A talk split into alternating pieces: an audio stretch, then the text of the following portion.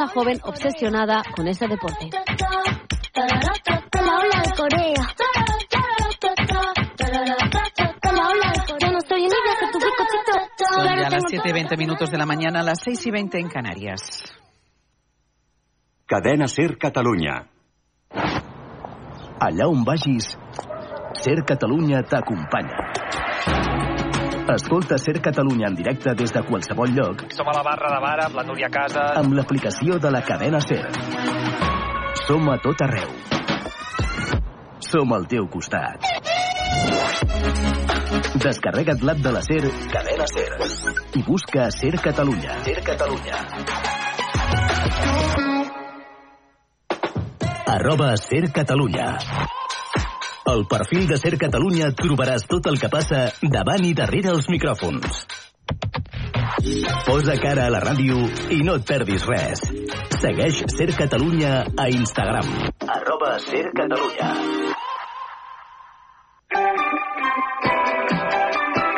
Ser Catalunya. La força de la conversa.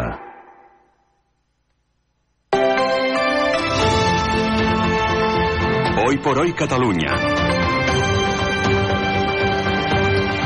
Sergi López. Què tal? Bon dia. La consellera de la Conselleria d'Educació pacta amb els sindicats posar fi a dues de les grans retallades que encara quedaven pendents del 2010. El govern es compromet a recuperar el plus d'antiguitat als 6 anys i a la reducció d'hores lectives als docents sèniors. Tot plegat, però, queda supeditat a l'aprovació dels pressupostos de la Generalitat. Ara ho ampliem, abans anem amb la informació servei. Quin temps tindrem avui, Jordi Carbó? Temps assolellat amb temperatures semblants a les d'ahir. És el que ens espera per avui divendres, eh, amb eh, boira del matí a planes de l'interior, més persistent cap al Pla de Lleida. També hi haurà moments de núvols a prop del litoral. Però en general el sol i ara un poc fred. 13 graus a Vilanova i la Geltrú, 8 a Banyoles, 7 a Tortosa, 11 sota 0 a la Seu d'Urgell. A la tarda màximes al voltant dels 20 graus des de les valls del Pirineu fins a la façana costanera. Demà el temps serà molt setmanal d'avui. Diumenge veurem més núvols, sobretot a prop del litoral, i això ja farà que el descens de temperatura sigui més evident. Informació viària. Anem al RAC. Àlex Huguet, què tal? Bon dia. Molt bon dia. Hi ha alguns punts amb circulació intensa i les primeres aturades, com ara la C32 enllaçant amb la C31 a Sant Boi de Llobregat i el Prat, en sentit Barcelona, com sempre el nus del Papiol en sentit sud entre la P7 i la B23. Per ara no es registren incidències a la xarxa viària catalana i aquest matí de divendres en general hi ha menys congestió que la resta de la setmana. Tot i així, destaquem sobretot les rondes de Barcelona en sentit Llobregat. A la B20 són 3 quilòmetres d'intensitat des del nus de la Trinitat i a la litoral hi ha més cues al fòrum i a la Diagonal Mar. És tot des del RAC. Molt bon dia. Bon dia gràcies, Àlex. Ja és divendres, és 26 de gener.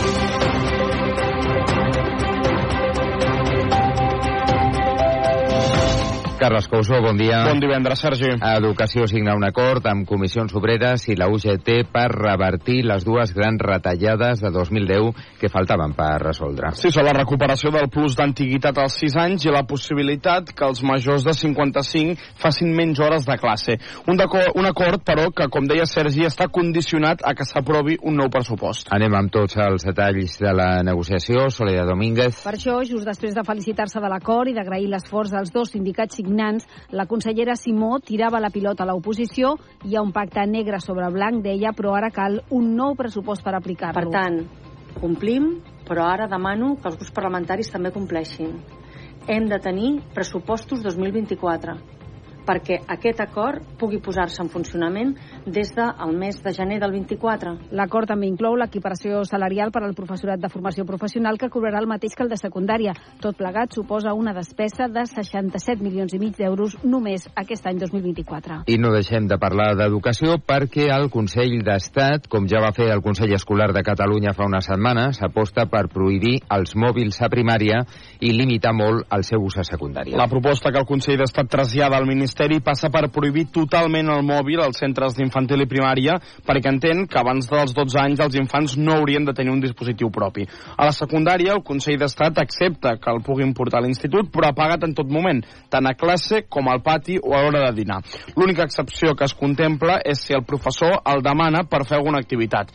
I a la postobligatòria, la decisió es deixaria en mans de cada institut. El Ministeri de Pilar Alegria diu que tindrà molt en compte aquest informe a l'hora de fer una proposta a les comunitats autònomes a les que ha citat el, PRUC el pròxim dia 31 de gener. Hoy por hoy Catalunya. Quan són les 7 i 25 minuts del matí us expliquem que el Tribunal Suprem va autoritzar l'espionatge a Pere Aragonès perquè el Centre Nacional d'Intel·ligència el considerava un líder dels CDRs en la clandestinitat. Sí, és el que es desprèn dels documents desclassificats del Centre Nacional d'Intel·ligència que en les últimes hores ha rebut tant el jutge que l'investiga el cas com a defensa del president.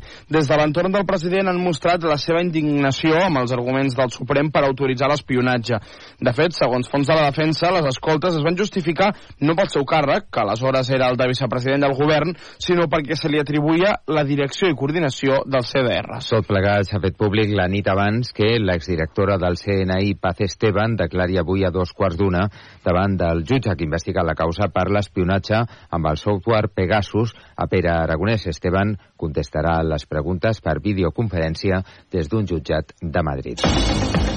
I no deixem la política perquè a Junts la lluita soterrada entre els afins a Laura Borràs i la resta del partit amenaça amb escardar el grup al Parlament. Alguns dirigents pronostiquen que en pocs dies s'expulsarà la diputada Cristina Casol, que hauria denunciat falsament assetjament masclista.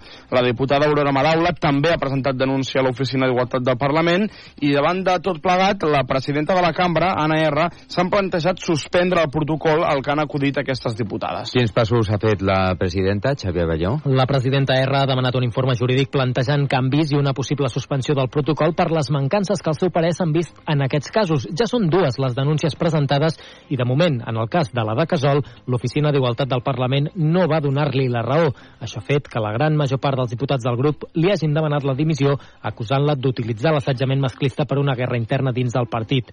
L'objectiu és que la setmana que ve l'executiva entomi internament el debat i algunes fonts donen per fet que acabarà amb l'expulsió de la diputada, encara que Junts es quedi amb menys escons a la cambra el que queda de legislatura. El govern descarta decretar l'entrada en emergència per sequera al sistema Ter Llobregat la setmana vinent, tal com havia afirmat inicialment el president Pere Aragonès. No obstant això, l'executiu ha decidit ajornar la decisió perquè les reserves d'aigua dels embassaments del Ter Llobregat encara es troben al 16,5% segons les dades de l'Agència Catalana de l'Aigua. Segons ha visitat el Consell d'Acció Climàtica, David Mascort, en diverses ocasions, ho ha, ho ha fet diverses vegades, eh? l'emergència es decretarà quan les reserves caiguin del 16%, però des del govern calculen que això no passarà fins la setmana que ve. I ara informació dels tribunals.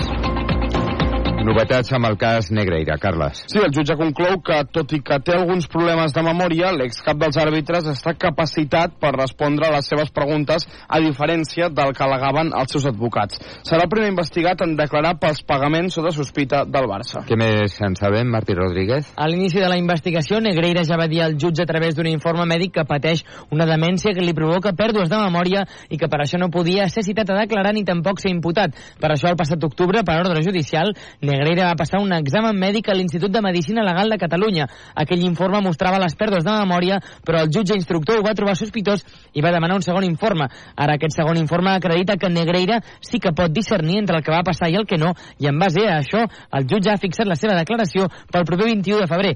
Els altres investigats, en canvi, declararan a la primavera. I ara ja sí, anem amb l'actualitat estrictament esportiva. El Barça femení s'assegura el liderat al seu grup de la Champions. Ho va fer aconseguint una nova victòria, en aquest cas contra l'Eintracht de Frankfurt per 2 a 0. Patrick Harrow i Caroline Hansen van fer els gols del triomf per a les blaugranes. Abans del partit, el Barça ja sabia que era campió de grup per l'ensopegada del Benfica. I el defensa del Barça masculí, Alejandro Valde, podria haver de passar pel quiròfan. Joan Tejedor, bon dia. Bon dia. Valde té una lesió al múscul de la part posterior de la cuixa dreta, els isquiotibials, que afecta el tendó. El lateral esquerre ha de decidir de manera conjunta amb el club i amb el seu entorn si per solucionar-la el millor és que l'operin, tot i que la recuperació sigui més llarga, o fer un tractament conservador que augmenta el risc de recaiguda. És una lesió molt semblant a la que va patir en Sofati, també representat per Jorge Méndez, ara fa tot just dos anys també a Sant Mamés, en un partit de Copa en què el Barça va caure eliminat a la pròrroga.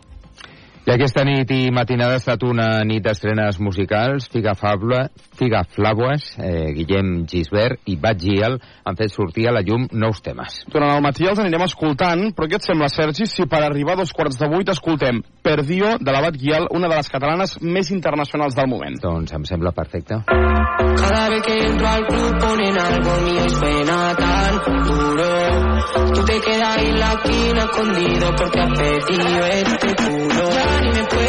T'agrada, Carles? Jo crec, i va, faré una aposta, crec que aquesta nit ja a les discoteques de Catalunya i part de l'Estat aquesta cançó ja estarà sonant. I ho hem dit, eh? L'Alba la, Farelo, la de Vilassar de Mar, està sonant a tot arreu i aquest èxit segur que també anirà sonant aquests dies. Doncs a veure si guanyes l'aposta. Dos quarts de vuit.